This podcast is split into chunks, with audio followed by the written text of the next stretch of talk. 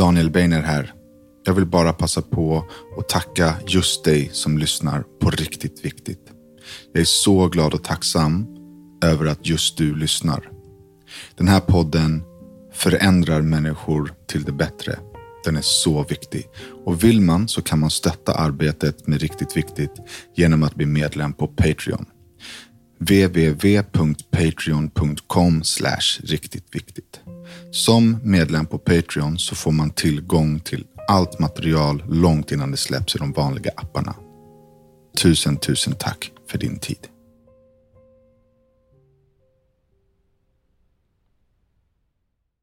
Hej och välkomna till ännu ett avsnitt av Riktigt Viktigt. Idag sitter jag här med en person som jag känner väldigt väl. En person som jag har delat mitt liv med och har ganska bra insikter i sorger och trauman. Eh, och idag så tänkte jag att vi skulle dela det på ett djupare, ett, en djupare nivå än vad vi faktiskt har gjort innan. Eh, och det är min exfru, Madeleine Wall. Det är lite konstigt att Bainer är borta nu. Mm. Men eh, Madde är 37 år gammal och upplevde sin första sorg vid fyra och sin senaste sorg vid 36. Mm. Hej. Välkommen. Tack. Hur känns det? Eh, att leva eller att sitta här? Nej, men att sitta här i det, liksom det formatet som vi gör nu. Nej, men... Eh, ursäkta. Eh, bra. Eller ja, inte dåligt i alla fall. Nej. Men jag vet inte vad som ska komma. Eller? Nej, jag tänkte på att vi ska prata liksom om, om, om sorger och eh, metoder, hur man gör och eh, vad som har påverkat en i livet liksom, till personlig utveckling. För det oftast det är ju sorg och trauma som får en att ta steg Mm. till personlig utveckling. Och du om någon har ju verkligen baserat ditt liv på att utvecklas personligen år ut och år in. Mm, vad, vad menar du med det? Eh, att du aldrig kan vara still, du kan aldrig vara nöjd med liksom, den eh, utvecklingen du har gjort, utan du ska hela tiden lära dig nytt, du ska hela tiden bli bättre, du ska hela tiden utvecklas. Mm. Och det är en jättefin egenskap. Mm. Men det kan ju också bero på någonting. Mm. Ja, det kan ju Liksom. också vara lite av en förbannelse. Exakt. Mm. Men eh, jag vet ju att du eh, sedan barn har känt ett utanförskap. Mm. Feel free liksom att bara så här, tänk att vi sitter här och bara liksom pratar, du och jag. Ja, ja, ja, nej, det är inte... Det känns inte konstigt så. Jag bara tänker hur jag ska sätta ord på det. Jag har inte pratat om det för att prata om det. Liksom. Men eh, det handlar om... Jag vet inte hur mycket som handlar om alltså, bara sånt som jag är också. Att jag liksom är... Jag vet inte om man kan födas med en viss personlighet eller om man skapar den längs vägen. Men det kanske kan vara lite både och. Men det, det, är liksom det, det första är ju att mina föräldrar skildes och det var inte traumatiskt i sig. Men däremot så skaffade de nya familjer. Kommer Eh. du ihåg deras skilsmässa? Ja, men jag kommer, kan komma ihåg lite bråk. Eh, men inte liksom, och inte, in, liksom inte traumatiskt, men bara små flashar. Liksom. Eh, men, och det som hände sen efter det var då att de skaffade nya och bildade nya familjer. Men där jag är deras enda barn och jag var den som bodde varannan vecka eh, fram och tillbaka. Eh, och de har inte, absolut inte medvetet liksom satt mig i något utanförskap. Utan det är nog alltså, ja, men känslan av att, att inte bo eh, liksom, på riktigt hos någon. Fast jag, jag gjorde ju det, men det blev som att det blev, alltså två, två halvor blev inte en. Liksom. Och sen så är jag lite annorlunda. Som, de är väldigt tajta med varandra. Alltså både eh, syskonen med varandra och mina syskon är mycket bättre på att liksom prata känslor. De är väldigt mer eh, inbjudande och varma medan jag aldrig har snackat känslor och varit väldigt sluten. Och Det gör ju också att, man inte, att jag inte kommer närmare folk eftersom jag själv eh, skapar ett avstånd. Och Jag vet inte om det liksom kommer från något eller om det eller om jag har skapat det själv, jag vet inte. Men eh, det är ju det som jag alltid har känt och att jag liksom kommer ihåg att jag vid tidig ålder liksom så okay, men jag kommer att få klara mig själv. Liksom. Och, och, inte, inte att någon har satt mig där, men det är bara var så här, så är det och jag kommer se till att göra det. Och sen har jag nog aktivt, alltså när jag blev eh, vuxen, sett till att alltid fixa det. För att mm. om jag inte är beroende av någon så behöver jag inte heller vara liksom rädd för mm. att inte klara mig eller för att bli besviken eller ja. Ja, alltså jag har ju levt med dig så jag vet att den här egenskapen är ganska stark hos dig. Att mm. du minsann kan själv mm. och att du minsann liksom ska göra själv också. Att mm. be om hjälp är inte din starka sida. Eh, skulle du säga att det har varit till en för eller nackdel? Alltså både och. Det är ju bra att kunna klara sig själv. Liksom. Men det är ju på min egen bekostnad. Liksom. Jag kör ju mig själv i botten många gånger, eller många sammanhang där jag kanske inte hade behövt det om jag bara hade bett om hjälp. Liksom. Mm. Um, och det, jag, jag, skapar ju någon form av ensamhetskänsla själv också, genom att alltid ta allting på mig själv. Uh, ja. Eh, jag känner ju din familj mm. Eh, och min uppfattning är ju att uh, mammas sida och mm. pappas sida är svintajta, fast mammas sida är tajt med mammas sida och pappas sida är tajt med pappas sida. Syskonmässigt så känns mm. det ju som att, som att eh, pappas barn mm. har en jättetajt relation och så mm. mammas barn har också en jättetajt relation. Mm. Och så har du varit eh, däremellan. Visst, ni mm. har jättefina relationer, men det har aldrig varit så tajt. Nej, Nej och det beror ju liksom delvis på att jag liksom alltid har varit i utkanten mm. själv. Men också rent, alltså, när jag blev äldre, så rent geografiskt så flyttade jag ju och har mm. bott liksom i andra städer och i andra länder. Så det har ju varit liksom, har blivit en naturlig och liksom logisk förklaring till det också.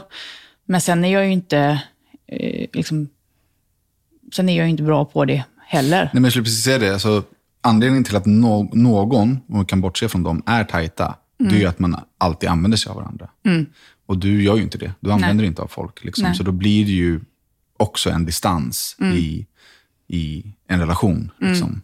För att du har svårt att liksom, sträcka ut din hand. Mm. Däremot om man ber dig om hjälp så finns du ju där. Mm. Alltid. Och är super, supertrygg i det. Liksom. Men du har svårt mm. att ta emot dig själv. Du besitter ju... Eh, min hobbyanalys av det här är att du liksom har utvecklat en, en envishet, en tjurskallighet som ligger dig i fatet. Liksom. Du, mm. kan, du kan träna med, med trasiga alltså muskler som är avslitna i två år. Mm. Liksom. Mm. Det, är ingen, det är inte en, något positivt.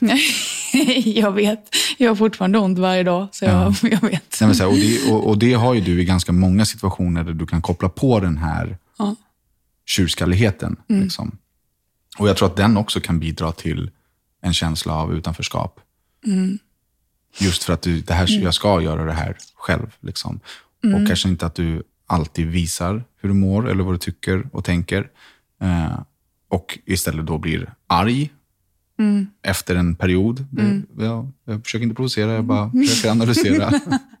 eh, och det, det, blir ju, eh, det blir ju en svårare situation mm. för alla inblandade. Mm. För jag är helt övertygad om att uh, folk i din familj verkligen är måna om dig. Och Det här handlar ju inte om att de har gjort någonting mot dig, utan det handlar om din känsla som du äger. Mm. Liksom. Och Det är väl viktigt att säga så ingen liksom, Ja, men precis. Det är ingenting som eh, jag vill lägga på dem på något sätt. Liksom. Mm. Och de har ju också, alltså speciellt de senaste åren, verkligen så aktivt försökt. Mm. Eh, men sen har jag, jag pratade faktiskt med min psykolog om det här senast igår, att jag har också alltså, en känsla av att, alltså jag tycker inte om att, att sitta still och vara hemma. Och det kan ju ha att göra med att jag har ADHD, liksom, men det visste jag inte när jag var liten och jag har aldrig heller liksom, använt det som en liksom, anledning eller förklaring till något, men det skulle ju kunna vara det. Och det gör att jag, jag tycker ju inte om att bara vara hemma. Mm. Eh, så att när jag då kommer hem så är det liksom inte, då vill jag göra något. Eh, och det gör ju också att jag så här, inte sitter en hel dag och bara hänger och liksom är, utan då vill jag sticka iväg och, och spralla av mig på något sätt. Liksom. Eh, och så var jag ju också när jag var liten, men då hade jag ju hästar, så då var jag i stallet hela dagarna. Och sen flyttade jag hemifrån tidigt. Alltså, så att det, jag tror att det finns liksom många olika anledningar, men som tillsammans bara gör liksom känslan av eh, rotlöshet och liksom lite utanförskap starkare. Mm. Även om, och att, eh, jag tror inte att det är liksom en specifik grej eller så. Nej. Jag lider ju också av utanförskapsproblematiken, inte alls familjemässigt, utan mer vänskapsmässigt. Liksom. Um, och det är ju så här, det härleder ju till mig som barn. Jag ville bli sedd, ingen såg mig. Och liksom, sen har jag applicerat det på mina vänner för att det är viktigt. För jag, så, jag hade ju mina vänner som min närmsta familj under hela min uppväxt. Liksom. Och nu sitter man här snart 40 år och liksom, vad är vänner? Alla, de har ju sitt. De har sina familjer, de har sina barn. Alltså, de har ju sitt. Liksom. Ehm, Hey, it's Danny Pellegrino from Everything Iconic. Ready to upgrade your style game without blowing your budget? Check out Quince. They've got all the good stuff shirts and polos, activewear, and fine leather goods, all at 50 to 80% less than other high end brands. And the best part? They're all about safe, ethical, and responsible manufacturing. Get that luxury vibe without the luxury price tag. Hit up quince.com slash upgrade for free shipping and 365 day returns on your next order. That's quince.com slash upgrade.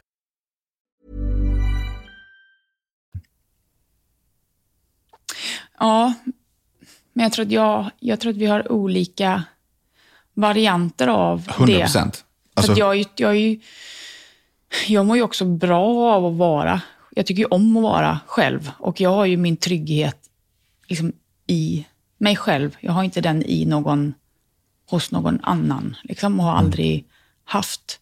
Så det är ju både bra och dåligt såklart. Men jag, jag, går ju, jag blir aldrig orolig för att vara ensam. Plus att jag, om jag sätter ju mig ofta där själv först. Så att jag hinner ju aldrig känna att jag är exkluderad för att jag har redan, jag har redan liksom, Gjort det självmant, Ja, liksom. jag har redan satt mig där och sen tittar jag in då liksom om jag vill. Liksom, Eller vågar, eller vad det kan vara. Men jag tror också att det hänger ihop med sårbarhet. Att, alltså, det är inte bara så här att jag inte vill eller kan, utan jag har också äh, att liksom prata känslor, utan jag har också väldigt svårt för att visa sårbarhet. Det är så himla läskigt att vara sårbar. Mm. Det är någonting som jag verkligen har liksom känt sista halvåret, sen vår skil- skilsmässa egentligen. Mm. Ehm, hur sårbar man faktiskt är. Och vad det är liksom, när du är ett öppet sår, Mm.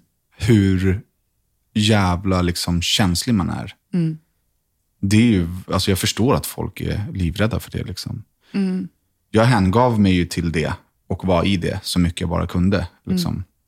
Mm. Eh, men det är, ju, det är ju, att vara sårbar, det är ju det läskigaste som finns. Ja, jag är inte, tycker inte att det är läskigt att liksom så här visa att jag mår dåligt eller att så här, det behöver inte vara... För min del så behöver det liksom inte se lyckligt ut. Utan det, för mig så har sårbarheten handlat om att jag inte liksom vill visa personer att de har sårat mig. Ehm, Stolthet alltså. Nej, utan eh, det handlar om att när jag var yngre så... så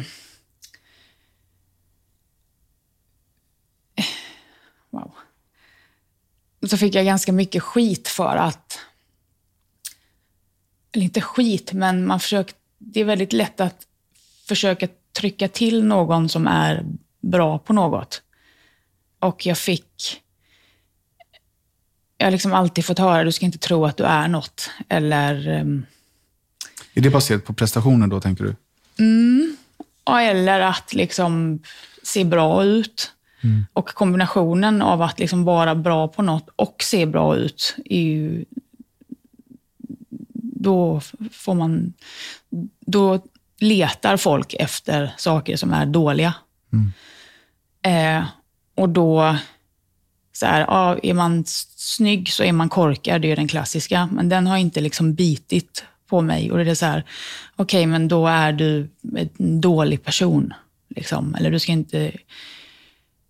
Ja, men det, har liksom, det kändes som att det alltid letades efter någonting att ha på mig. Liksom. Eh, Hur gammal var du här? Alltså, när, när är det Alltså här det är från att jag var jätteliten i stallet och mm, var duktig. Liksom tävlade mot de som var äldre. Eh, då kunde de liksom så här spola ner mig med vattenslangen när vi skulle tvätta hästarna inför tävling. Liksom, eller i skolan om eh, man var... Jag har ju alltid tyckt om att hänga med killarna liksom, och vara poppis där och bra på sport. Alltså det, det är så här... Det, det måste finnas liksom dåliga saker. Man kan inte både vara smart och snygg och, och bra på grejer. Det är liksom det, då ska man plockas ner. Liksom. Av tjejer, eller? Ja. Och det är ju förmodligen därför också som jag har trivts eh, så bra med killar. För att jag liksom inte behövt be om ursäkt för om jag har varit bra på något. Liksom. Ehm, För det är, min uppfattning är att om- en, en eh, kvinna är väldigt bra på någonting så blir killar väldigt imponerade. Ja, alltså det kan de ju bli. Men det som jag har tyckt har varit skönt är att, att jag liksom bara inte har fått skit för det. Och jag vill inte... Jag har ju extremt svårt för att ta emot komplimanger också, så att jag vill ju inte bli hyllad på något sätt. Liksom. Utan jag vill bara kunna få göra det som jag vill göra utan att liksom... Syrra? Icke? Kom här. Du vill bara kunna göra... Nej, men få göra de grejerna som jag tycker är, är roligt. Och om jag blir bra på det, inte behöva liksom förminska det. Nöjer du dig när du är bra på något? Eller vill du bli bäst? Ja, jag vill ju gärna bli bäst, men det kan också bero på flera anledningar eftersom jag lärde mig tidigt att man ska passa sig för att vara bra på någonting och definitivt passa sig för att liksom säga eller tycka det. Så har jag ju eh, snarare liksom då liksom förminskat jag har alltid velat leverera, leverera rent prestationsmässigt, men aldrig liksom pratat om det. Eh, men då har det som att så här, prestationer har liksom varit ett bevis på då att Alltså det, jag behöver inte säga någonting om det. Alltså, man kan inte säga att jag är dålig för att resultaten säger ju att jag är bra. Och jag behöver inte, alltså, jag behöver inte prata om det då. Det bara finns där. Liksom. Alltså, alltså resultaten talar för sig själv. T- Mm. Vad tycker du att du är bra på? Nu? Alltså, egentligen om jag då ska börja liksom aktivt använda det som jag tränar på, så är jag ju bra på ganska många grejer. Ehm. men jag har ju ingen, alltså, jag har ju alltid velat ha så här, någonting jag liksom tävlar i specifikt för att så här, mm, jag är bäst i Sverige eller Europa eller världen. liksom. Det är inte riktigt lika viktigt eh, längre, även om man kan tro det om jag spelar match. Liksom, eller så. Men, eh, Men tror du att eh, det här som jag har pratat om nu liksom föranleder eh, din vinnarskalle? Du har ju en vinnarskalle som är mer eller mindre oskön, om man ska vara liksom riktigt krass. Det, du, du kan ju slå sönder paddelrack, du kan eh, bryta av minigolfklubbor, du kan skrika liksom könsord och, och slänga grejer omkring dig. Mm. Uh, paintballgevär har du skickat rakt åt helvete. Alltså så här, du blir ju verkligen arg. Mm. Uh, och det är ju, jag fattar att det är en drivkraft som gör dig till världsbäst mm. på grejer. Mm. Men, men tror du att det är, kom, alltså, alltså det är spunnet ifrån de här situationerna som liten. Så okej, okay, om jag ändå inte får vara eh, lite bra, mm. då ska jag bli bäst. Mm. Nej, det tror jag inte. Alltså, så här, temperamentet och det, det, det, vet jag liksom inte. Jag tror inte att det... Fast temperament, alltså just i tävlingssammanhang så är mm. ju, du har inte temperament när du vinner, det är när du förlorar som du... Mm. Så det har ju med vinnarskall att göra, tänker jag.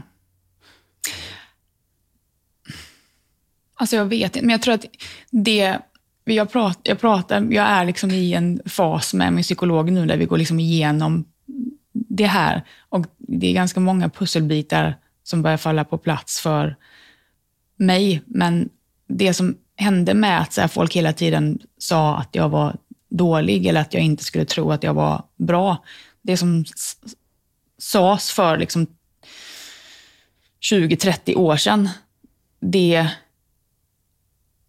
det blev liksom sant för mig då och sen har jag tagit med mig det som, som min sanning genom hela livet. Så jag har ju matat mig själv med de orden. Så att jag har varit extremt eh, jag är extremt hård mot mig själv. Liksom. Mm. Och det är det som händer, att jag liksom blir arg för att jag tycker att jag är en sopa. Liksom. Och det är, och det, är liksom det som jag har haft så nära till hela tiden. Så att där, eh, har man ju lyckats. För att jag har ju, har ju verkligen inte trott att jag är något. För det så, så som jag har snackat till mig själv har ju varit allt annat. Liksom. Sen kan jag ju fått liksom, självförtroende genom åren i att jag har klarat av väldigt mycket och vunnit saker så, här, så att jag vet att jag kan, alltså rent fysiskt, göra mycket. Liksom, mm. Och mentalt också. Men jag har ju aldrig gått runt med en känsla där jag känner att jag är bra. Där du känner dig överlägsen? Liksom. Nej, men inte ens bra. Liksom. Nej, och, och det var därför jag frågade, så här, vad, vad är du bra på? För att om, om vi frågar någon annan, mm. kan ta eh, någon i din familj, kan ta någon av dina vänner, du kan ta en helt random följare till dig. Mm. Så skulle de kunna lista ganska många grejer. Mm. Ja, men och, och, det, och helt plötsligt tänkte jag säga, men det kanske har växt fram successivt, så är det liksom inte jag kan inte säga att det inte är viktigt, men för mig är det viktigt att vara, liksom, vara en bra människa. Liksom. Att mm. vara lojal, ehm, att stå upp för det jag står för och vara en bra vän. Liksom. Mm. Och Det handlar ju om liksom, min inre krets. Då. Det är inte som att jag kan tillfredsställa alla liksom, och vara så som alla tycker att jag ska vara. Speciellt inte när det finns Alltså folk som alltid kommer att hitta något. Men bara liksom gentemot de som jag bryr mig om och det jag bryr mig om. Det är ju liksom viktigt för mig nu. Att vara, att vara liksom så reflekterande och att se eh, nej alltså i, i motgångar eller liksom smärtsamma faser, att se det som så här, det här, det här är en, en utvecklingsfas eh, liksom inte, snarare än en livskris. Mm. Men ofta så liksom där... Det är väl samma sak, tänker jag. Um, livs... En livskris blir ju i många fall mm. en utvecklingsfas. Ja, om man väljer att se det så. Och Det mm. kan ju fortfarande vara skitjobbigt och göra jätteont. Men jag tror att jag ändå många gånger i det har förstått att så här, det, det kommer någonting ur det här som är bra om man ändå kan ha, liksom, i, i smärta och längst nere på botten, om man ändå kan ha liksom det i, i bakhuvudet, så är det lättare att ta sig igenom. Men om man inte liksom, tänker på det, utan mer fastnar i att, så här, menar, att det är synd om en själv, eller att det är liksom, ja fan nu ska jag gå igenom någon, liksom, nu händer det en massa skit för mig igen. Eller så här, då är det nog svårare att liksom, få det få ut det positiva ur det, eller i alla fall att det tar mycket längre tid. Liksom. Ja, för mig har det tagit extremt lång tid. Jag är 39 och liksom Mm. har senaste året verkligen börjat reflektera Mm. över vem jag är och vad jag vill och hur jag prioriterat och vad jag ska och liksom Mm. vad som är viktigt och sådär. Eh, och det är ju det är med en sorg att inse att så här, ska, ska det ta 39 år? Ska det, ska det behöva ta så lång tid? Och jag är inte, så här, jag är inte någons, någonstans i närheten av färdig. Ska det ta så lång tid att komma till den punkten för att påbörja sin utveckling? Men jag, jag har ändå för, gått till psykolog sedan jag var 16, till och från. Jag har ändå varit liksom i den sfären där man ska utvecklas. Ja, fast du har, inte, du har inte varit där fullt mentalt, inte under våra år i alla fall. Du har gjort några försök, men det har inte varit liksom långa perioder. Och plus att jag har inte uppfattat dig som att du liksom verkligen har varit beredd att göra jobbet. Att liksom lyssna på de sakerna som faktiskt är skitjobbigt att höra. Det är jag nog inte nu heller. Alltså jag hade KBT igår senast. Eh, och jag sa till henne, här, det här hjälper inte mig. Liksom. Det som, det som har, har liksom förändrat mig den sista tiden, det är mina egna insikter. Liksom. Och, och Sen är jag ju smart nog att fatta att KBT hjälper, för att det hjälper många. Men jag känner inte, jag tror inte på det. Liksom. Och det sa jag till henne. Så jag, jag, jag, liksom, vi gör den här grejen, men jag tror inte på det. Nej, men det, din, Och så har jag känt alltid. Ja, men din hjärna sätter ju lite krokben för dig själv. För du är ju väldigt intelligent. Liksom. Men det är ju också... Det är bra med de insikterna som du har kommit till själv. För att det är svårt att liksom pracka på dig något. Men det är ju också dina egna tankar som har skapat mycket Absolut. liksom, problem som kanske inte hade behövt vara problem. Jag menar inte att bagatellisera eller att det inte har det. funnits Alltså, tuffa jag- grejer. Men Jag ställer till det mycket för mig själv Mm. i huvudet. Liksom. du kan ju liksom skapa situationer som blir väldigt jobbiga i ditt huvud från liksom inte mycket. Och jag är också väldigt långt fram. Har jag, det, är en, det är en ny insikt som jag har. Mm. Jag är alltid längre fram. Jag är inte här och nu. Nej. Liksom. Nu sitter jag och tänker på, så här, aha, shit, nu ska, jag ska spela in med Tobbe imorgon. Mm. Så, alltså, förstår du, jag, jag är framåt och så här, gör en riskanalys framåt. Mm. Om jag, och du vet ju hur det är att resa med mig. Liksom, jag är ju långt fram. Mm. Nu ska jag resa utomlands här om ett par veckor. Jag är red, du sa ju Mm. det, du bara skulle börja packa redan. Alltså jag är hela tiden så långt fram. Jag är Mm. väldigt sällan i nuet och stannar upp här och liksom bara försöker infinna mig i, okej, men det här är nu. Mm. Ehm, varför känner jag så här nu? Vad är grejen här och nu? Liksom. Istället försöker jag bearbeta problem som inte har kommit. Mm. Men jag har, faktiskt, jag har tänkt på dig många gånger i det som jag själv liksom går igenom nu med, med psykolog och med min egna eh, utveckling. Att du lever ju också kvar i mönster från liksom långt tillbaka. Men som, alltså mina strategier har ju funkat och räddat mig då. För annars hade jag inte fortsatt med dem. Liksom. Eh, och likadant har det varit för dig. Alltså om du eh, analyserar alla eventuella risker och har liksom parerat dem redan, då, då, finns, då finns det ju knappt någon risk kvar för dem att hända. Och så har du liksom safeat upp för dig själv i en otrygghet. Men du är ju inte där nu. Nej, exakt. Du behöver ju inte leva så nu, för nu sätter du ju bara liksom krokben för dig. Exakt, och det är väl det vill komma fram till. att så här, Även om jag mår bra här och nu, Mm. Så bearbetar jag problem som kanske kommer. Och, och det, jag tycker det är så synd, för det tar bort så mycket glädje från dig. Ja, det tar bort glädje från mig. Eh, men jag är medveten om det nu. Ja, och det är ju det är bra. jättebra, för det är ju, det är ju då man kan liksom börja att förändra det. Liksom. Ja. Nu ska inte det handla om mig, men jävlar vad jag har gjort många, många förändringar i mig själv sista halvåret. Eh, och det är så här, det är en never-ending story. Liksom. Ja, det är ju inte så att man blir liksom klar med sig själv. Eh, någonsin. Men man kan ju bli klar med liksom gamla dåliga beteenden. Ja, alltså, jag har ju fått svara på så här, varför vill jag gå i KBT? Mm. Och mitt enda svar är att jag vill vara positiv. Mm. Det är det enda jag vill. Jag vill, jag vill kunna vara positiv i situationer. Mm. För jag är alltid negativ. Det spelar ingen roll om vi ska äta mat. Alltså jag är alltid, Om det inte är någonting jag är supertrygg med. Det är därför jag alltid går till samma restaurang och så vidare. Är jag supertrygg, då kan jag se fram emot det. Men när jag är inte trygg, då är det bara katastrof hela vägen. Liksom. Eh, Men det, det är liksom mitt projekt nu som jag jobbar med.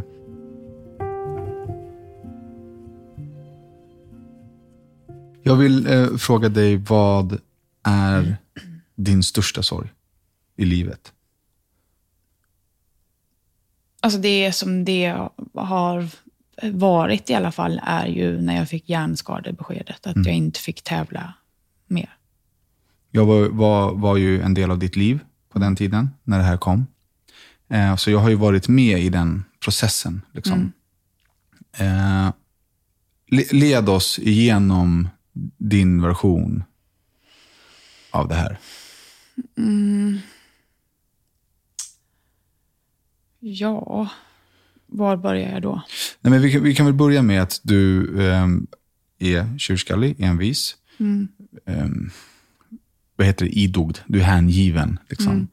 Ehm, och du under flera års tid hade väldigt ont i ditt ben. Ha, har. Ja, jo. Ja.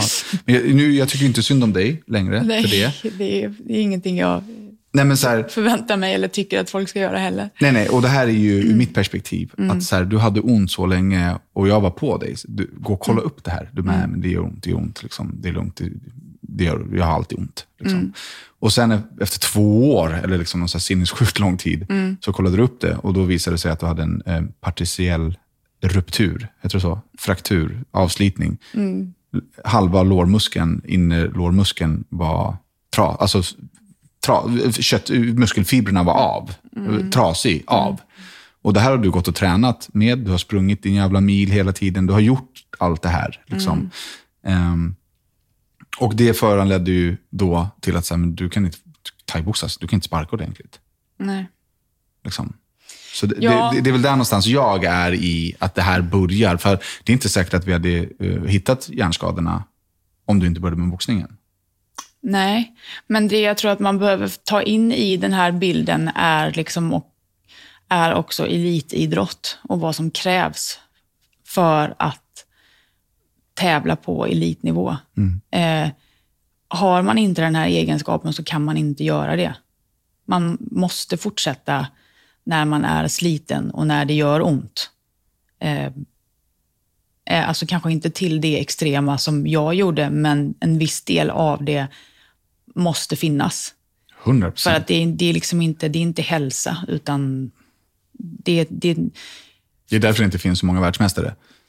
nej, nej, men precis. Och det finns inte så många som har tävlat på elitnivå i många år utan att ha liksom betala något för det. Det, det, det sliter liksom, mer eller mindre.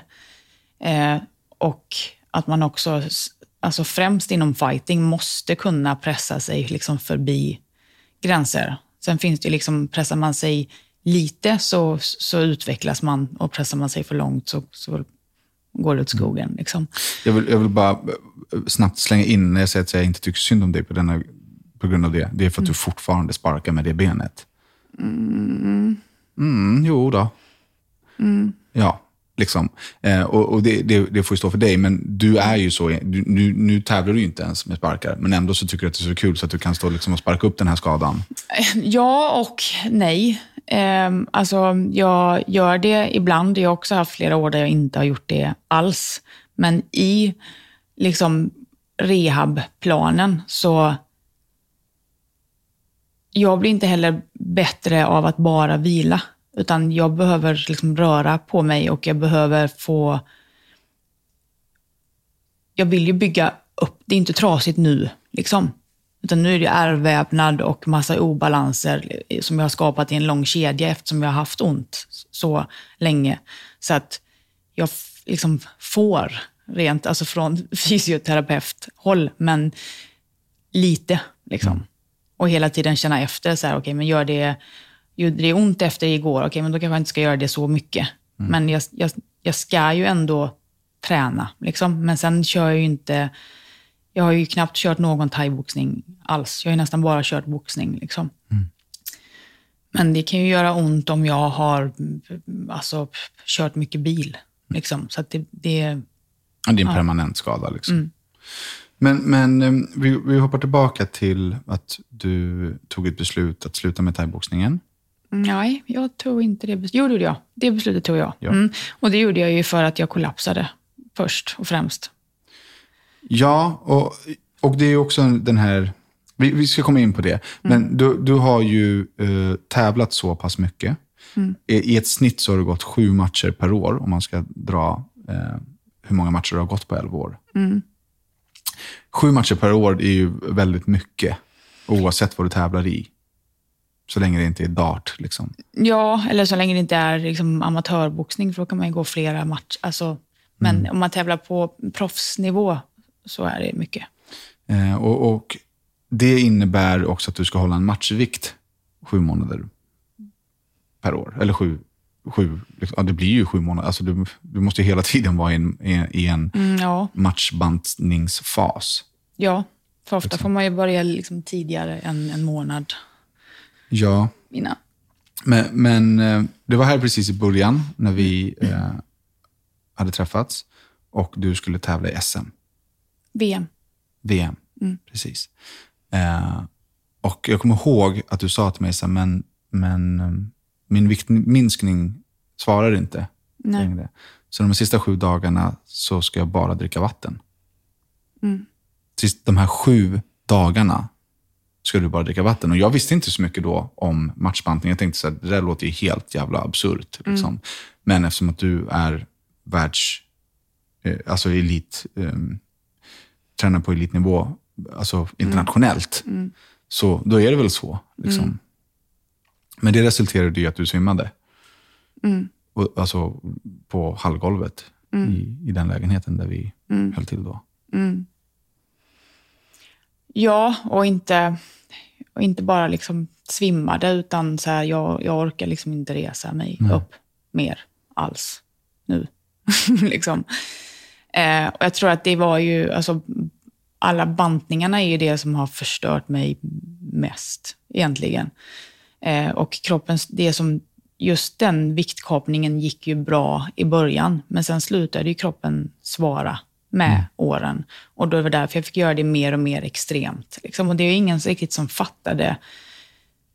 Alltså, tyvärr så har ju inte kampsporten, eftersom det inte har funnits några pengar i det, så har det inte heller funnits liksom man, man sköter det själv och ingen vet riktigt om det är liksom skadligt eller inte. Det viktigaste är att man liksom väger in på den vikten som man ska tävla i. Och sen har det också funnits en mentalitet i att så här, man, man gnäller inte om att det gör ont eller att det är jobbigt, utan snarare så ska det vara riktigt liksom vidrigt. Det ska göra ont och liksom, ju, ju värre desto bättre nästan.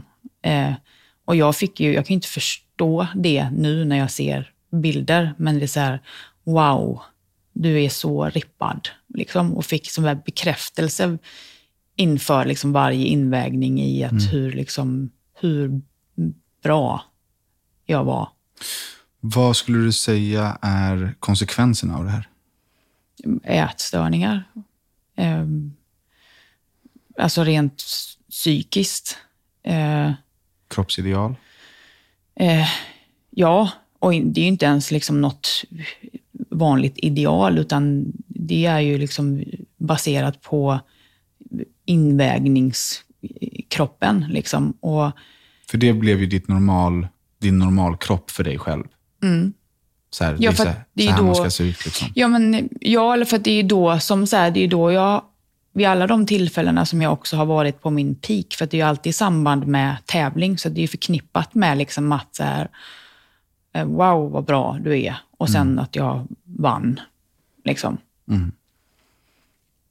Eh, men sen blir det ju, alltså både rent, de fysiska konsekvenserna ju, har ju också varit ganska tråkiga, liksom med att här, mag och tarm, alltså jag blir ju intolerant mot allt och kunde inte äta utan att ligga ner för att jag fick så ont i magen. Och alltså, det har ju tar, tagit väldigt lång tid att återhämta mig från det. Eh, och jag är inte helt återhämtad än heller. Nu är det faktiskt, tycker lite synd om dig tänkte jag säga, men att så här, nu är jag ju liksom frisk i huvudet tänkte jag säga, men nu kan jag liksom leva normalt i alla fall. Och det är jävligt skönt, men det är, så här, det är sex år mm.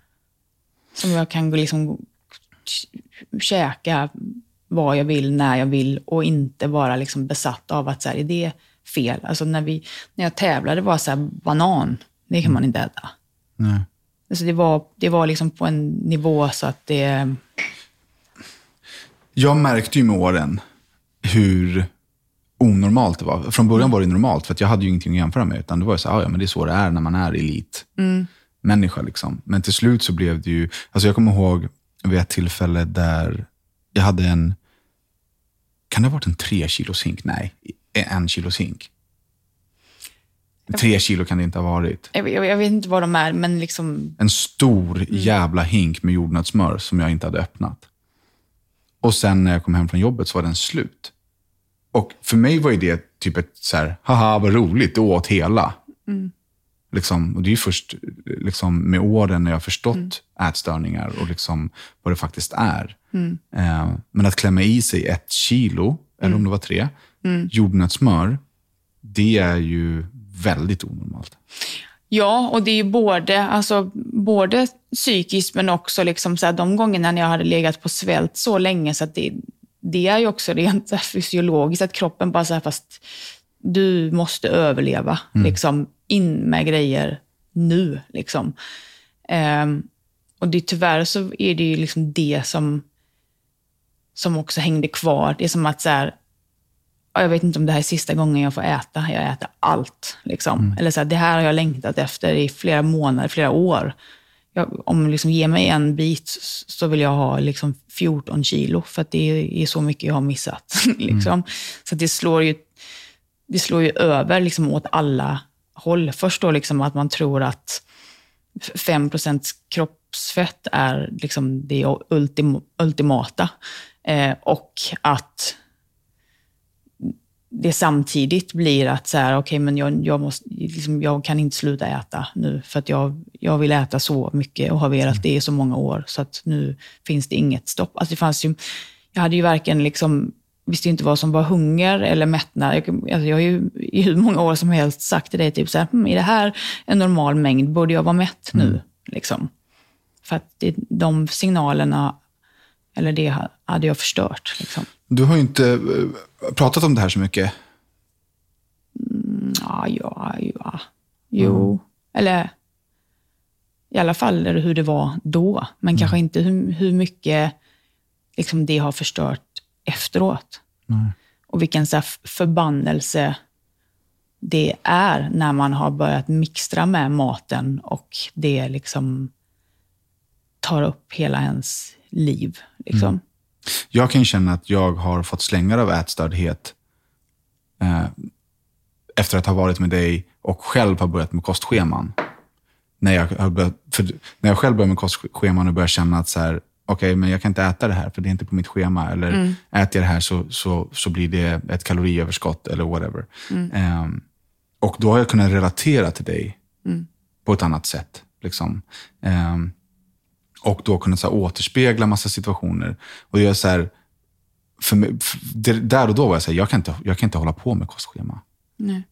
Det, för jag blir knäpp. Mm. I, i, verkligen knäpp i huvudet. Och då har jag liksom aldrig gjort det på elitnivå. Eller det har aldrig varit så viktigt för mig. Alltså rent prestationsmässigt. Mm. Men det har ändå blivit så viktigt för mig att sköta. Mm det här schemat. Och liksom, jag, det, det, är inte alls en metod som är bra för mig. Nej, men det, det, är, det är ju någonting som, som så, här, så fort man inte får mm. äta något så blir man ju helt psykotisk på exakt det som man inte får. Liksom. Mm. Men det är därför jag har varit så jävla noggrann med att så här, när jag har varit så här, instruerat själv eller varit tränare och speciellt liksom tjejer, nu är det ju superutbrett bland killar också, men det har varit mycket mer tjejer i alla fall, vad jag vet, att liksom aldrig på något sätt eh, pusha det, att de ska gå liksom i en viktklass lägre eller att, så här, att för har man väl hamnat i det träsket, det, det är svårt mm. att, att komma ur. Och, ja, att liksom aldrig lägga kommentarer om att någon är fet. Eller liksom så här, det är jag supernoggrann med, för jag vet vad det kan göra. Och det var, jag tror att det var lite så, alltså nu liksom drog, spann det ju igång och tog, fick enorma proportioner när jag liksom började tävla, för det var också väldigt lätt att gömma sig bakom liksom matchvikt. Men jag fick ju höra, alltså, som när jag var yngre, så här, att jag var tjock. Alltså jag var otroligt smal. Mm. Absolut, absolut inte ens i närheten av att vara tjock. Men det sa man också som en grej liksom för att trycka ner. Och det blev ju också sanning som följde med. Liksom. Ja, och sen är det ju, eh, jag upplever det som att eh, människor som tränar, mm. eh, liksom, som mig på hobbynivå eller som dig mm. på elitnivå, men att vi bryr oss mycket mer. Mm. Jag, alltså både du och jag, eh, har ju varit i situationer där det är så här, men det finns inte en chans att jag går till stranden nu. Mm. För att man har en känsla inför sin kropp som mm. absolut inte är sann. Mm.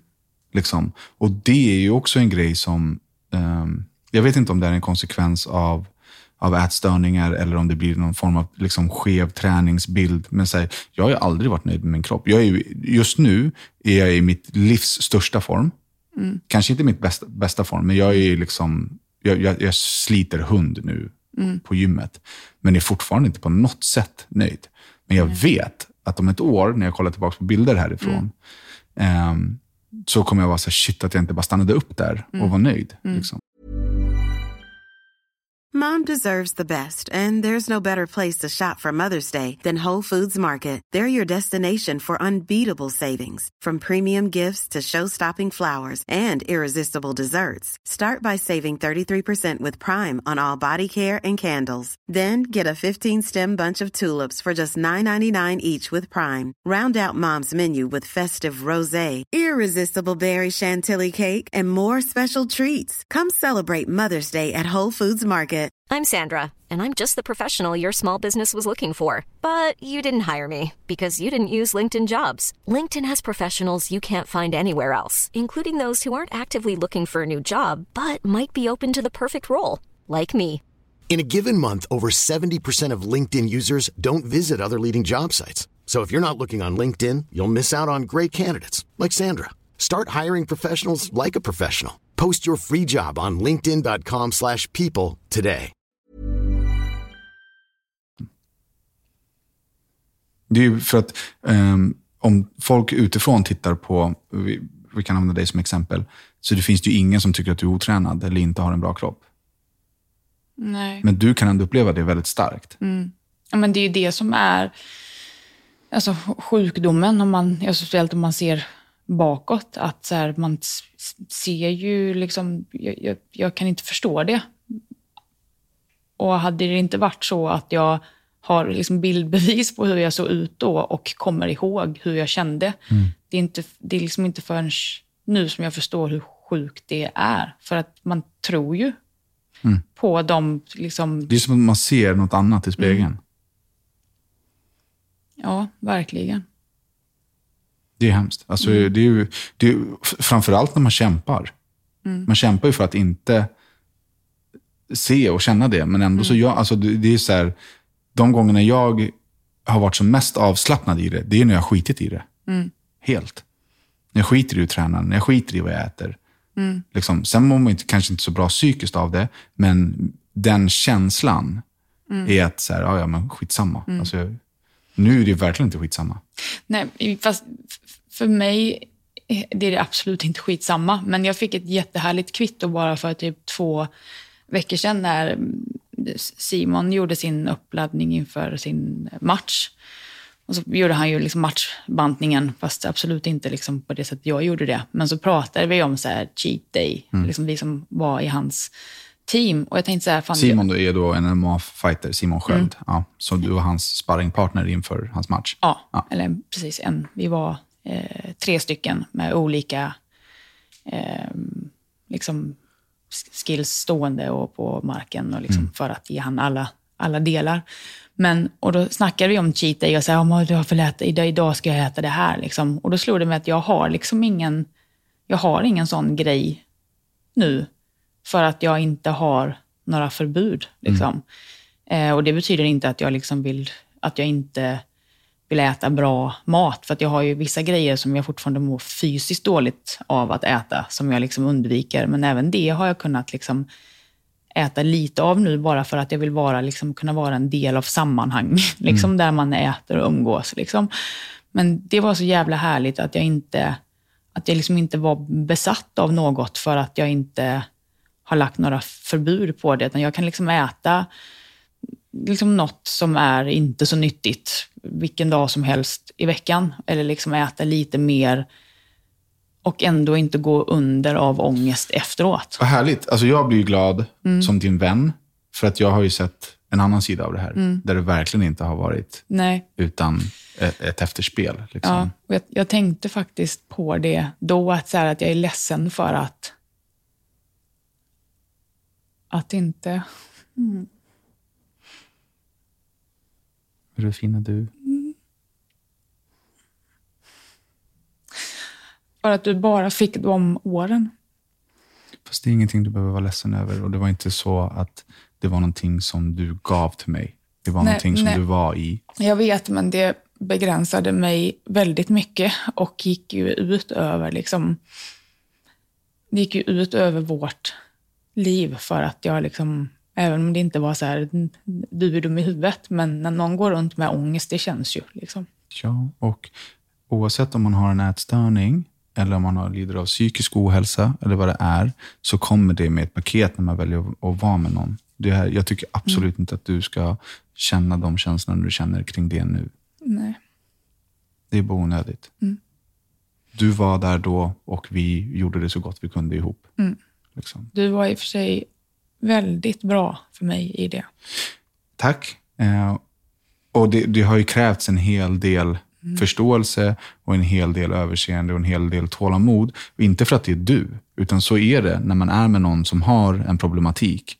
Liksom, där en problematik är starkare än något annat. Alltså jag har ju, kommer ju också med problematik. Jag, ko- alltså, anledningen till att vi idag är vänner och inte längre gifta är ju för att vi har haft du har haft din, eh, ditt liv och, och, och, och di- ditt bagage och jag har haft mitt. Ehm, och till slut så, eh, vi kommer komma in på det, vår skilsmässa såklart, men, och, men till slut så eh, räcker det. Liksom. Eh, och det behöver inte betyda att man blir osams. Du och jag har inte varit osams i vår skilsmässa. Liksom. Men, men för mig är det viktigt att du inte känner att du har gett mig någonting dåligt, för det har du inte.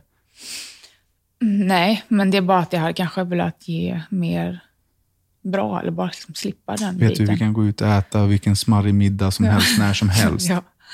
Liksom. Men jag vill understryka en grej kring det här som jag ehm, vill säga till er som lyssnar. Att eh, ju- just med, du har blivit intolerant mot massa saker. Som eh, bland annat socker. Eller in, inte en intolerans på det eh, sättet som gluten, liksom. men det, det finns något med så här candida, som blir typ som en svamp. Alltså, Ja, men du, du vill inte äta socker. Det är skitsamma om du är allergisk. Du vill inte äta socker. Jag vill inte heller äta socker. Jag, jag väljer bort socker i jättemånga sammanhang, förutom på kvällen. För då vill jag äta godis. Förutom varje kväll. Ja, nej, men, så här, eh, men, men jag led något fruktansvärt mycket med dig i alla eh, offentliga sammanhang där folk inte kunde acceptera att du inte ville ha efterrätt. Ja, men då var det ju inte bara socker, utan då var det ju gluten och laktos också. Ja. liksom. Men, men det är så här, till, till människor överlag, så här, respektera bara. Jag vill inte ha. Men skärp dig, det är inte så farligt. Du som tränar så mycket. Det blev alltid en projicering på dig och jag såg hur mycket du led i, i det. Eh, och vi har ju liksom aldrig pratat om det här offentligt som vi gör nu. Så jag vill bara liksom ta tillfället i akt och säga så här, om någon inte vill ha en efterrätt, eller någon inte vill ha en shot, eller whatever, släpp det bara. Men, det är, Låt det bara vara. men du tog ju ofta den striden åt mig bara för att jag inte klarar av att vara Alltså, först och främst klarar jag inte av att vara jobbig. Alltså om man ska på en middag så vill jag inte att man ska behöva göra liksom annorlunda till mig. Men även om man inte gjorde det och jag bara liksom skulle hoppa över något. Alltså jag, var ju, jag var på middag för två veckor sedan senast och åt liksom så här marängsviss. Liksom, eh, som jag... Eh, det var ju i och för sig jävligt gott, men jag mådde ju liksom dåligt i två dagar efteråt. Men Bara för, för att du inte bara pallade med att säga jag vill inte ha den? Ja, eller och det, och, in, och inte att det skulle vara liksom folk som propsade på mig där, för det var bra, men så här, det ställs fram framför mig och så här, jag, jag, jag kan liksom inte då... Jag har så jävla svårt för att säga att... Är, är det det att du har svårt att säga så men jag vill inte ha den här, tack ändå? Eller blir det svårt? Den står här, jag har cravings, jag vill äta den. Vad är det som är svårt? Ja, nej, nej, inte cravings. Nej.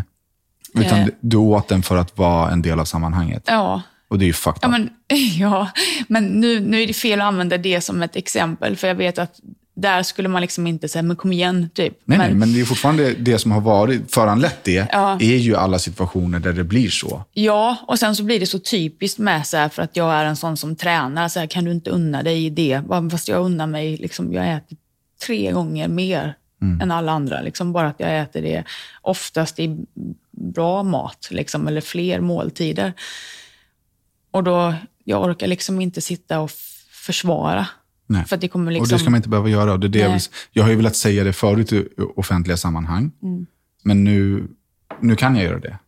Och det är liksom, pa, vad heter det, opartiskt. Det är så här, vill någon inte ha, låt det vara. För man vet inte vad som ligger bakom.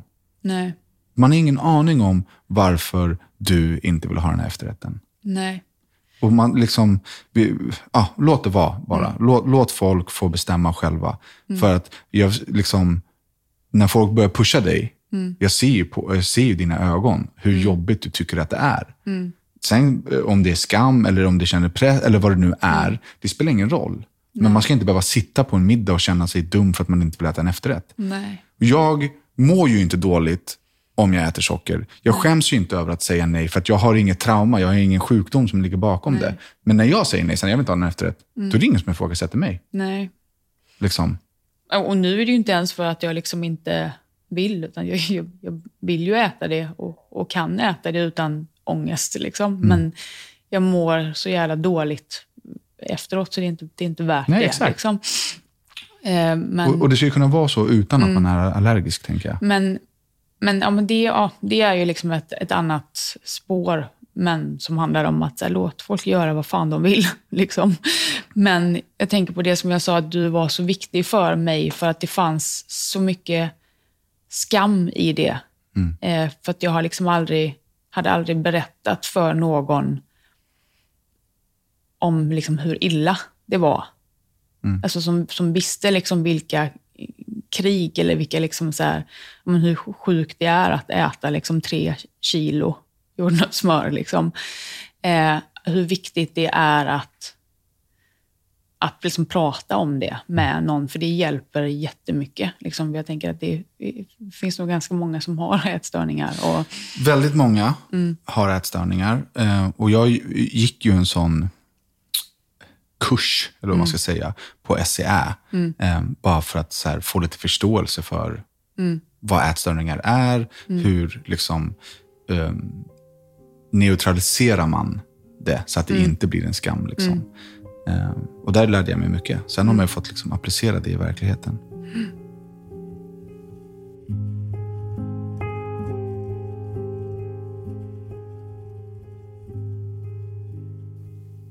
Jag tänkte att vi skulle gå in på elefanten i rummet. Det är oundvikligt för oss att komma in på vår skilsmässa. Det här spelar vi in den 8 juni 2021. Och vi skildes i september 2020. eller oktober kanske. oktober. Det var ju supertraumatiskt för mig. Innan vi går in på det här så vill jag bara belysa eh, att vi båda mår bra. Vi eh, har kommit vidare i olika skeden i livet. Jag sitter liksom i, ett, eller i vårt gamla hem som jag nu delar med någon annan. Eh, och det känns viktigt och stort att du och jag är de här vännerna. Liksom, som vi är. Där vi båda har funnits för varandra i, i övergången till andra människor. Liksom. Jag är idag... Jag är tacksam ändå. Även fast det var så... Liksom, när, när du sa till mig att du ville skilja dig, så var det liksom det hemskaste någonsin. Men du sa där och då att så här, tro mig, du kommer förstå varför vi ska skiljas. Liksom. Är det? Men fina du. Eh, och jag, jag, jag förstår nu och jag har förstått längs vägen. Eh, och jag har fått hjälp på vägen liksom, av, av personen som jag träffade ganska omgående efter att vi gick isär. Liksom. Eh, men det är ganska häftigt att för mig att kunna sitta här. Det är inte häftigt att du är ledsen just nu. Men det är ganska häftigt för mig att kunna sitta här och förstå och kunna se tillbaka på det du sa. Du sa så här, du, du kommer förstå. Vi liksom, både du och jag behöver annat. Liksom. Eh, och visst kan jag sakna oss, och vad vi, för vi hade jättemånga styrkor. Men vi hade också några brister som har varit väldigt viktiga för mig i mitt liv i en kärleksrelation. Liksom. Eh, som jag har nu, som är... Jag förstår vikten av det nu. Jag förstår hur viktigt det verkligen har varit. Att göra av, så här, det låter hårt att jag gjorde avkall på det med dig, men vi hade, inte, vi hade andra styrkor som är också skit, skit viktiga och liksom super, super speciella som aldrig någon, någonsin kommer kunna ersätta. Men det var några punkter ifrån, ifrån mig, i vad jag behöver, som inte vi var kompatibla med. Liksom, som jag har nu. Och därför så vill jag säga att jag är tacksam. Liksom. Eh, även om det har varit en jätte omvälvande liksom, process att skilja sig. Mm. Men främst för att alltså, smärta driver förändring. Liksom. Och jag, jag tänker på är liksom inte... Självklart att man kan hitta, liksom, förstå vad som var bra och vad som var mindre bra genom att liksom, få något annat. Men också att liksom, tvingas jobba med sig själv. Alltså den resan som du har gjort eller gör som person är ju jättestor och jätteviktig. Liksom.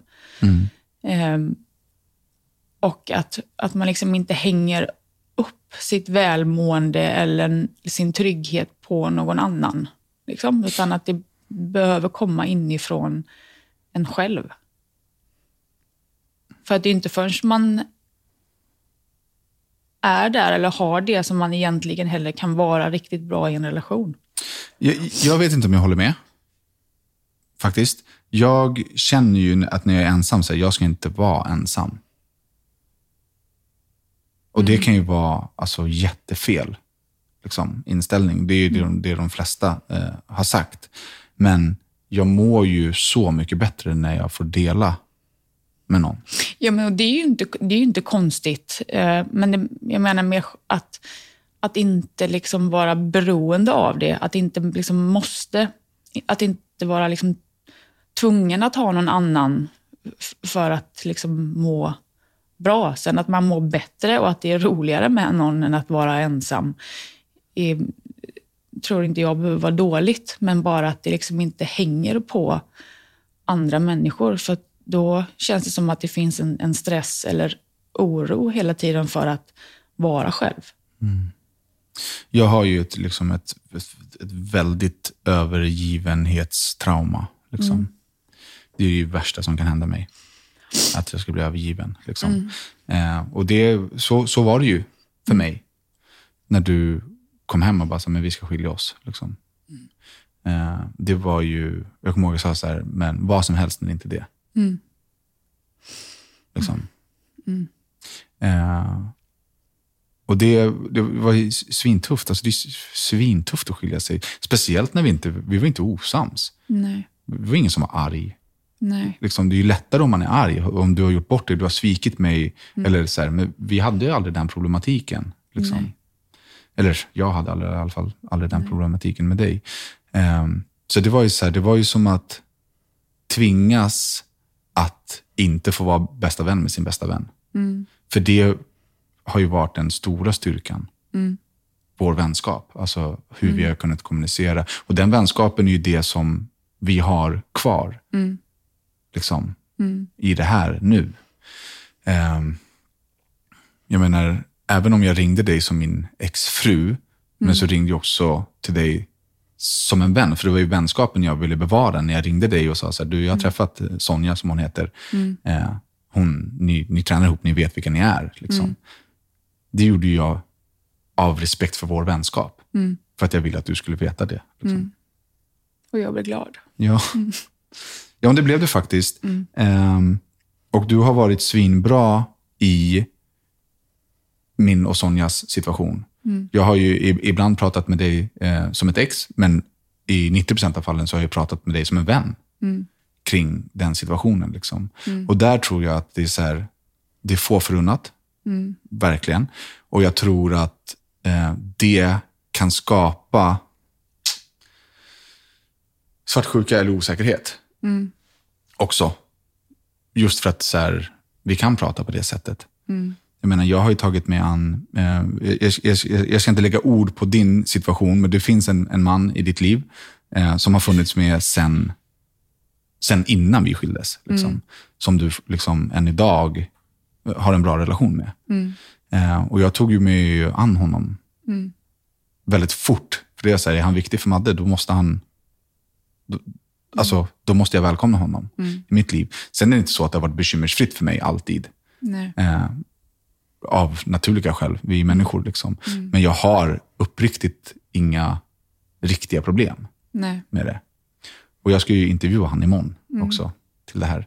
Eh, och då kommer ju, det kommer att vara ett annat samtal med honom, men vår skilsmässa kommer ju komma på tal. Liksom. Jag har ju, eh, jag ska inte säga för mycket, jag vet inte vilket som släpps först, men det var inte som att jag bara köpte honom. Nej. Liksom. Jag gjorde ju gedigen Jag liksom. vet, jag känner ju dig. Ja, när vi gjorde ge- ge- gedigen eh, research på honom för att jag ville veta att han var bra. Alltså jag sket i vem han var. Eller så här, jag ville höra från folk runt om, är, är han bra? Liksom. Eh, och alla jag pratade med sa att han är bra. Och då, det hjälpte mig i att säga, okej, men folk säger att han är bra, Madde säger att han är bra, då är han bra. Och då, där får jag vara färdig med det. Liksom. Ja, och där, alltså, där kan man ju liksom st- styra det till att vara bra i situationen. För finns det inga, liksom inga fulspel och inga lögner och det ändå liksom är en bra person. Alltså, det, finns ju ingen anledning till att hålla på och bråka. Liksom. Eh, och jag, vi, har- vi är ju inte ihop. Liksom. Ehm, för att jag har ju liksom snarare försökt att liksom inte, eh, inte hänga med han. Men för att så här, jag gjorde inte liksom slut med dig för att jag ville ha någon annan. Utan jag behöver göra min resa och jag behöver göra den själv. Liksom. Eh, och jag vill inte gå direkt från ett förhållande till ett annat, utan jag vill, liksom, jag vill läka lite sår och bygga upp mig själv. Liksom. Men han är väldigt bra. Liksom. Och jag kan inte heller se någon anledning till att inte hänga med någon som är bra och som jag har roligt med. Liksom. Eh, men Hur, hur, hur snabbt hade du roligt med Tobbe? Alltså till en... Jag hade inte så mycket roligt i många månader. Liksom. Men jag hade... Jag var, mådde väldigt mycket mindre dåligt. Liksom. Eh, och det var... Han, är ju, han har ju gått igenom mycket liksom, och är ju också därför väldigt bra i många eh, svåra situationer. Liksom. Och det fanns, fanns inga krav, alltså, och för vi skulle ju inte ens träffas. Liksom. Ehm, från, från, från början, jag visste inte ens vem han var. Liksom. Jag har aldrig, aldrig sett eller hört talas om han. Liksom. Eh, och så här, eh, hej jag är ett vrak, men jag är lite mindre vrak här. Får jag vara här? Och bara så du vet så är vi inte ihop. Jag ska inte vara ihop med någon. Och, bara, och, han är, och att han har liksom, eh, accepterat det och eh, liksom ställer inga krav. Det gör ju att det blir enkelt. Liksom. Eh, och att han då i sin tur, alltså lika mycket som du har varit bra och stor, så har han ju hela tiden visat respekt och liksom varit bra i alla sammanhang där, där du har varit involverad. Liksom. Eh, och jag har alltid varit väldigt noggrann med att, att respektera dig och att du ska respekteras. Eh, och det har liksom inte funnits något annat än att det ska vara självklart. Liksom. Och det kan man ju säga till en början för att det ska låta bra, men det visar ju sig efter ett tag om det är så på riktigt. Liksom. 100 procent. Anledningen till att jag frågade så här hur lång tid det tog innan, innan du hade kul. Du kanske inte var lycklig, men hade du verkligen inte kul? Kunde du inte bara brista ut i skratt och liksom... Jo, men det kunde jag i, liksom i, i, i stunder, alltså i, i situationer. För att det som, alltså som du sa, att du har vissa delar liksom i ditt nya förhållande som inte vi hade. Det, jag har ju likadant med honom där vi är liksom skitlika. Alltså det är inte så många andra som tycker att det är roligt att, att bada isvak i minus liksom 11, 11 grader. Jag har ju det som ett så klockrent exempel på hur vi liksom gled isär. Det var när du frågade mig om jag ville följa med och gå upp för Hammarbybacken 60 varv. det, är alltså, det, det är en av de liksom, sinnessjukaste frågorna jag fått i hela mitt liv. Vill du följa med till Hammarbybacken och gå upp, var det 60 varv? Nej, men det var från solnedgång till soluppgång. Ja. Eh, tack, Madde. Men nej. Alltså, jag kommer sitta här, jag kommer spela mitt tv-spel, jag kommer äta mina ostbollar. Och det är så här, där ser man en tydlig, för mig är det en så tydlig grej. Att så här, jag blev mer och mer liksom, eh, oproduktiv. Kanske man kan säga det. Jag, liksom, jag gick in i, i, det var corona, jag gick in i tv-spelsgrejen. Liksom, jag gick till jobbet, jag ville bara vara hemma. Jag ville liksom vara still liksom, och ha lugn och ro. Medan du fortsatte att bara drivas på. Eh, och just, det, just den grejen när du frågar om det, det var så här, alltså, den, det här, hon är, hon är sjuk. Liksom. Eh, och det, men det är, ju- du är ju äventyrlig, jag är inte det. Nej. På det sättet. Liksom. Nej, men och sen är det ju inte bara att, här, att du inte är det. Jag är ju också väldigt liksom, lite eh, värna om boet och liksom, hemmet och familj och liksom det som jag kan förstå att man kanske vill ha. Eller som jag förstår att du vill ha. Liksom, och jag inte kan ge dig. Och Det var också lite det jag liksom menade i att så här, det, det, det finns liksom någon som är bättre för dig. Och det finns det. Ehm, eh, eller så här, eh, nu lät det som att jag tog någonting från dig, det var inte det jag menade. Men till människor som går igenom separationer, ska jag säga att det finns. Det, det kommer bli bra. Liksom. Det var det jag ville säga. Så att du inte tog det som att jag bara, yes, det finns något bättre än Ja, dig. Men, men, men det finns det. Eh, och det är verkligen det som jag sa innan, att så här, det har landat hos mig. Det där med att så här, men det kom, du kommer förstå. Liksom. Och, och jag, jag förstår. Nu förstår jag. Liksom. Även, även liksom, ur ditt perspektiv. Jag, jag ser ju vad, liksom, vad, vad du och Tobbe gör. Även om ni kanske inte kommer bli ihop i framtiden, vad vet jag. Men ni har ju en annan gemenskap som du frodas i mycket mer än vad du gjorde med mig.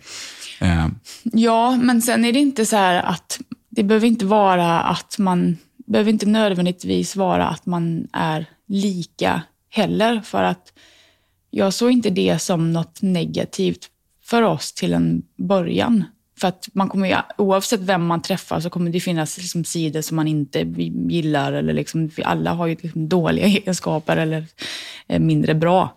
Eh, men det som gjorde liksom att jag kände att jag behövde lämna var för att jag mådde sämre och, och sämre. Och jag, där, alltså som jag sa med, när jag hade liksom mitt träsk att jag önskar att det liksom inte hade funnits. Men då var det mer att det liksom kanske begränsade oss. Eller att så här, grejer vi situationer där vi skulle kunna ha roligt, men istället så liksom kunde jag inte ha roligt. Men det kanske inte liksom la sig på dina axlar mer än att det tog bort det som skulle kunna ha varit roliga tillfällen. Men det jag gjorde, och det ligger ju på mitt ansvar, det var att jag, när du har liksom mått dåligt det senaste, som, som det har ju hänt grejer som eh, där det är rimligt att må dåligt. Men jag gick in som någon slags medberoende i det och liksom la det på, på mig. Eller jag, jag tog på mig det och när du mådde dåligt så mådde jag dåligt. Mm. Och till slut försökte jag bara hitta strategier för att liksom minska friktion, minska liksom oh, att vi liksom skulle tycka olika. Och till slut så hade jag liksom stängt in mig själv i ett hörn där jag liksom jag begränsade mig själv för att undvika alla eventuella, alltså bara en skiftning i stämningen. Liksom. Mm. Um, ja.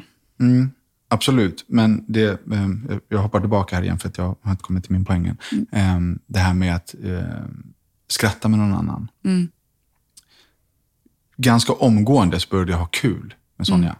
Alltså verkligen ha roligt. Mm. Eh, och inte förrän då så reflekterade jag över att fan, du hade inte så kul på slutet. Nej. Liksom. Och det är också en sån grej som, så här, ah, jag fattar. Liksom. Mm.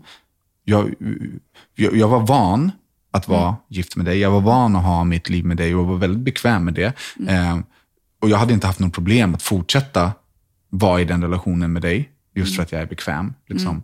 Men att du hade rätt i det. Mm. Så här, du, du, kommer förstå. Det är någonting som har gett mig extremt mycket eh, styrka på min resa. För varje gång jag förstår att så här, ah, men det var, det är rätt. Liksom. Och vi har ju alltid sagt det, att så här, vi, vi gör slut. När det är dags så gör vi slut. Utan vi, vi har kul på vägen, men relationen tar slut. Och blir det dags, då gör vi slut bara. Och, och så gör vi det bra. Och det var ju det vi gjorde. Liksom. Mm. Det är som att vi skrev liksom, ett manus mm. för, liksom, redan innan vi gjorde det. Mm.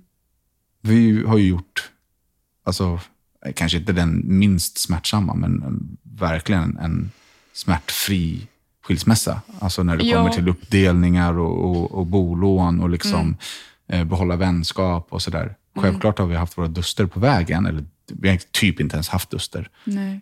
Men självklart så liksom har vi kanske inte varit överens, men så vi har löst allting. Mm. Jag inte liksom... Jag skulle inte vilja säga smärtfritt, men, men vi har i alla fall inte... Vi har inte dragit dit någon onödig smärta eller osämja, alltså som jag, jag tycker att man ser i, mellan många Eh, utan det har ju varit liksom en sorg, för även om jag var den som kom hem med det, så har jag känt en sorg. Alltså även om jag har känt hela tiden att det här är rätt, så har det inte gjort liksom mindre ont för det. Samtidigt som det gjorde jätteont för mig att, att se dig där och att till, du till en början inte förstod. Mm. Eh,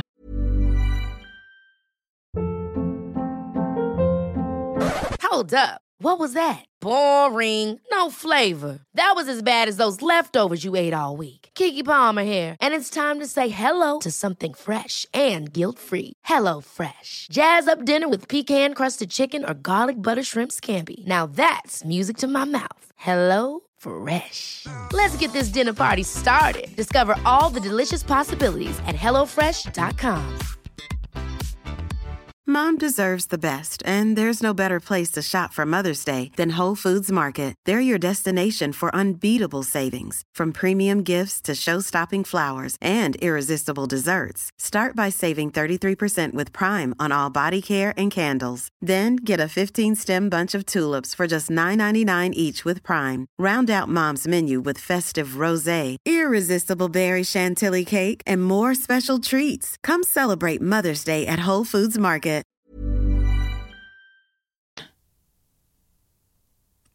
Ja. Jag, jag menade självklart praktiskt smärtfritt. Det, det hoppas jag. Ja. att- ja, Okej. Ja.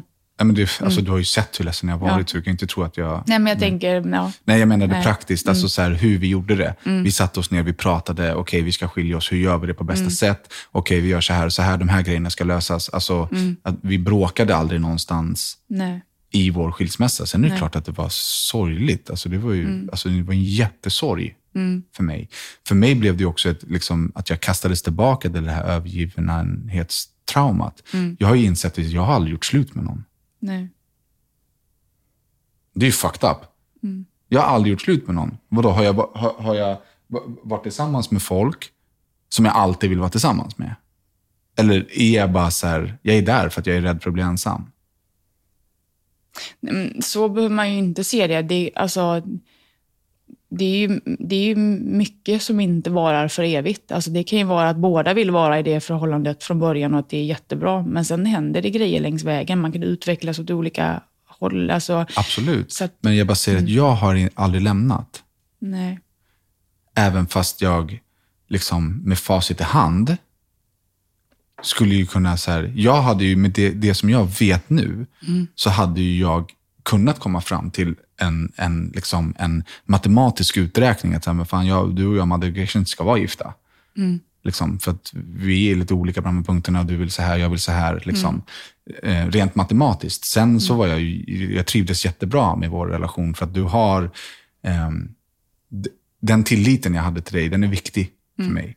Men sen fattades eh, en så här närhetsbit som är skitviktig för mig. Liksom. Ehm, och eh, som du säger, det här med liksom, nu låter det som att du inte byggde bo, men vi byggde bo. Men det, det, det var inte din liksom, drivkraft. Din, drivkraft är ju din utveckling. Och den är Ja. ju väldigt stor hos dig. Ja, eller också spontanitet. Ja. Och det var lite den som, som liksom försvann successivt. Och det var det som gjorde att vi liksom inte hade skoj längre. För att jag... Men till slut så bara liksom passade jag mig för allt som skulle kunna bli dålig stämning. Liksom. Och då, då, blir, då är man inte liksom spontan och glad. Nej, och det är ju att bli hemmablind. Liksom. I en relation eller vad, vad det nu kan vara.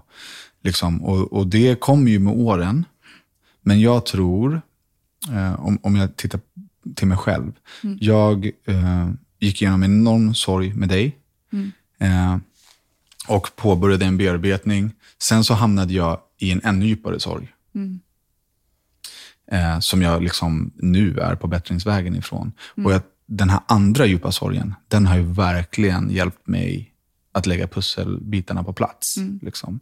Eh, och den har verkligen eh, hjälpt mig att eh, dels eh, förstå dig mer i, i det som liksom, vi har pratat om kring skilsmässan och så här, vad, vad som är eh, rätt och fel och vad som är bra och vad som är viktigt och sådär. Eh, jag, jag har ingen bra, ingen färdig analys av det här än för att jag är i den.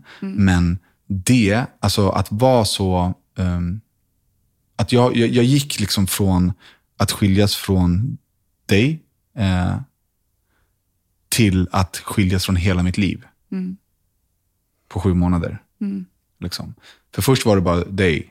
Och, och sen liksom har det bara eskalerat och liksom kommit ner till liksom, åh, att jag blev övergiven som barn och var så här, jag har förstått mina drivkrafter. Liksom, varför vill jag, varför var det så viktigt, eller är det så viktigt för mig att liksom få känna mig liten i soffan?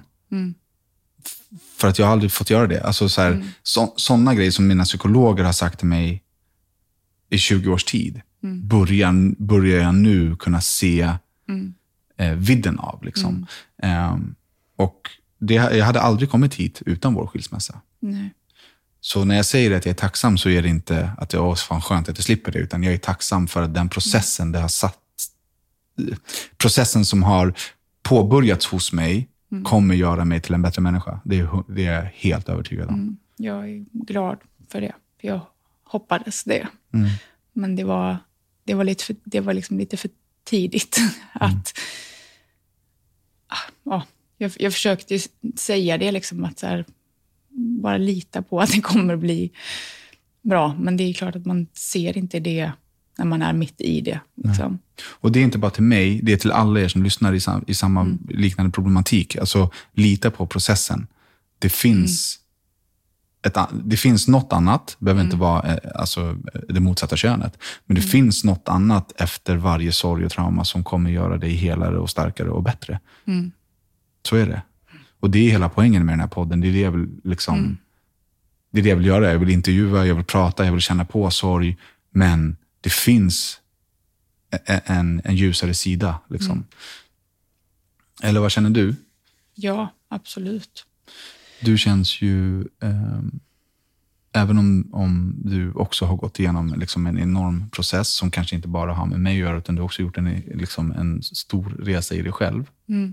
Eh, så känns du känns ju mycket ljusare nu. Liksom. Ja, alltså min resa handlar ju om att bli snällare mot mig själv. Liksom. Och det går bra? Det Ja, går bättre och bättre i alla fall. men, det, men det Ja. känns som att det går bra. Bara att du kan sitta och säga att så här, eh, ja, men nu kan jag faktiskt äta den här grejen. Det är ju verkligen att vara snäll mot dig själv.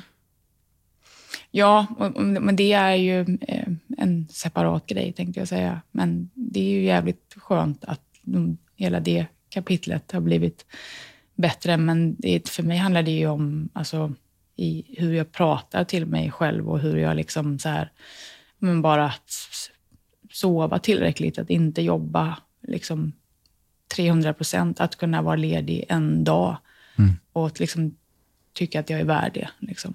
Får jag säga en sak nu? Ehm, även om det är ett kapitel för sig som du väljer att förminska det, eh, så är ju en stor del av ditt liv har varit, som också har föranlett inte så snälla sägningar till dig själv. Mm, ja, absolut. Och jag vill bara att du ska ta in det. För att du har kommit en bra bit. Alltså när du sa det till mig nu så kände jag direkt så wow, shit vad långt hon har kommit. Så jag tycker inte att du ska... ehm, jag, jag tycker att du ska förstora den grejen istället. För att det är ett stort steg. Det har tagit upp mycket energi ur ditt liv. Vad tänker du? Nej, men, nej, jag menar inte att liksom förminska den resan, utan bara att det, ehm, det finns liksom mycket, mycket mer. Det är klart det finns mer och det, hos oss alla. Men det betyder ju inte att man inte kan bara säga, fan det där, det är, en, det, det är ett stort steg. Och ibland ser man inte det själv. Och, och jag ville säga det för att jag tycker att det är stort. För jag vet att det måste vara jätteskönt för dig att ha hamnat där.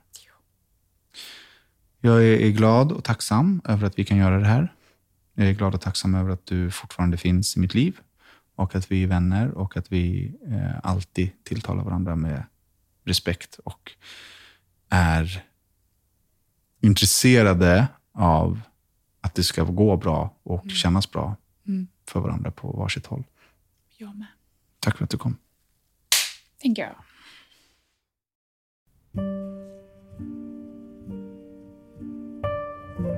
Daniel Beiner här. Jag vill bara passa på att tacka just dig som lyssnar på Riktigt Viktigt. Jag är så glad och tacksam över att just du lyssnar. Den här podden förändrar människor till det bättre. Den är så viktig. Och vill man så kan man stötta arbetet med Riktigt Viktigt genom att bli medlem på Patreon www.patreon.com riktigt viktigt. Som medlem på Patreon så får man tillgång till allt material långt innan det släpps i de vanliga apparna. Tusen, tusen tack för din tid.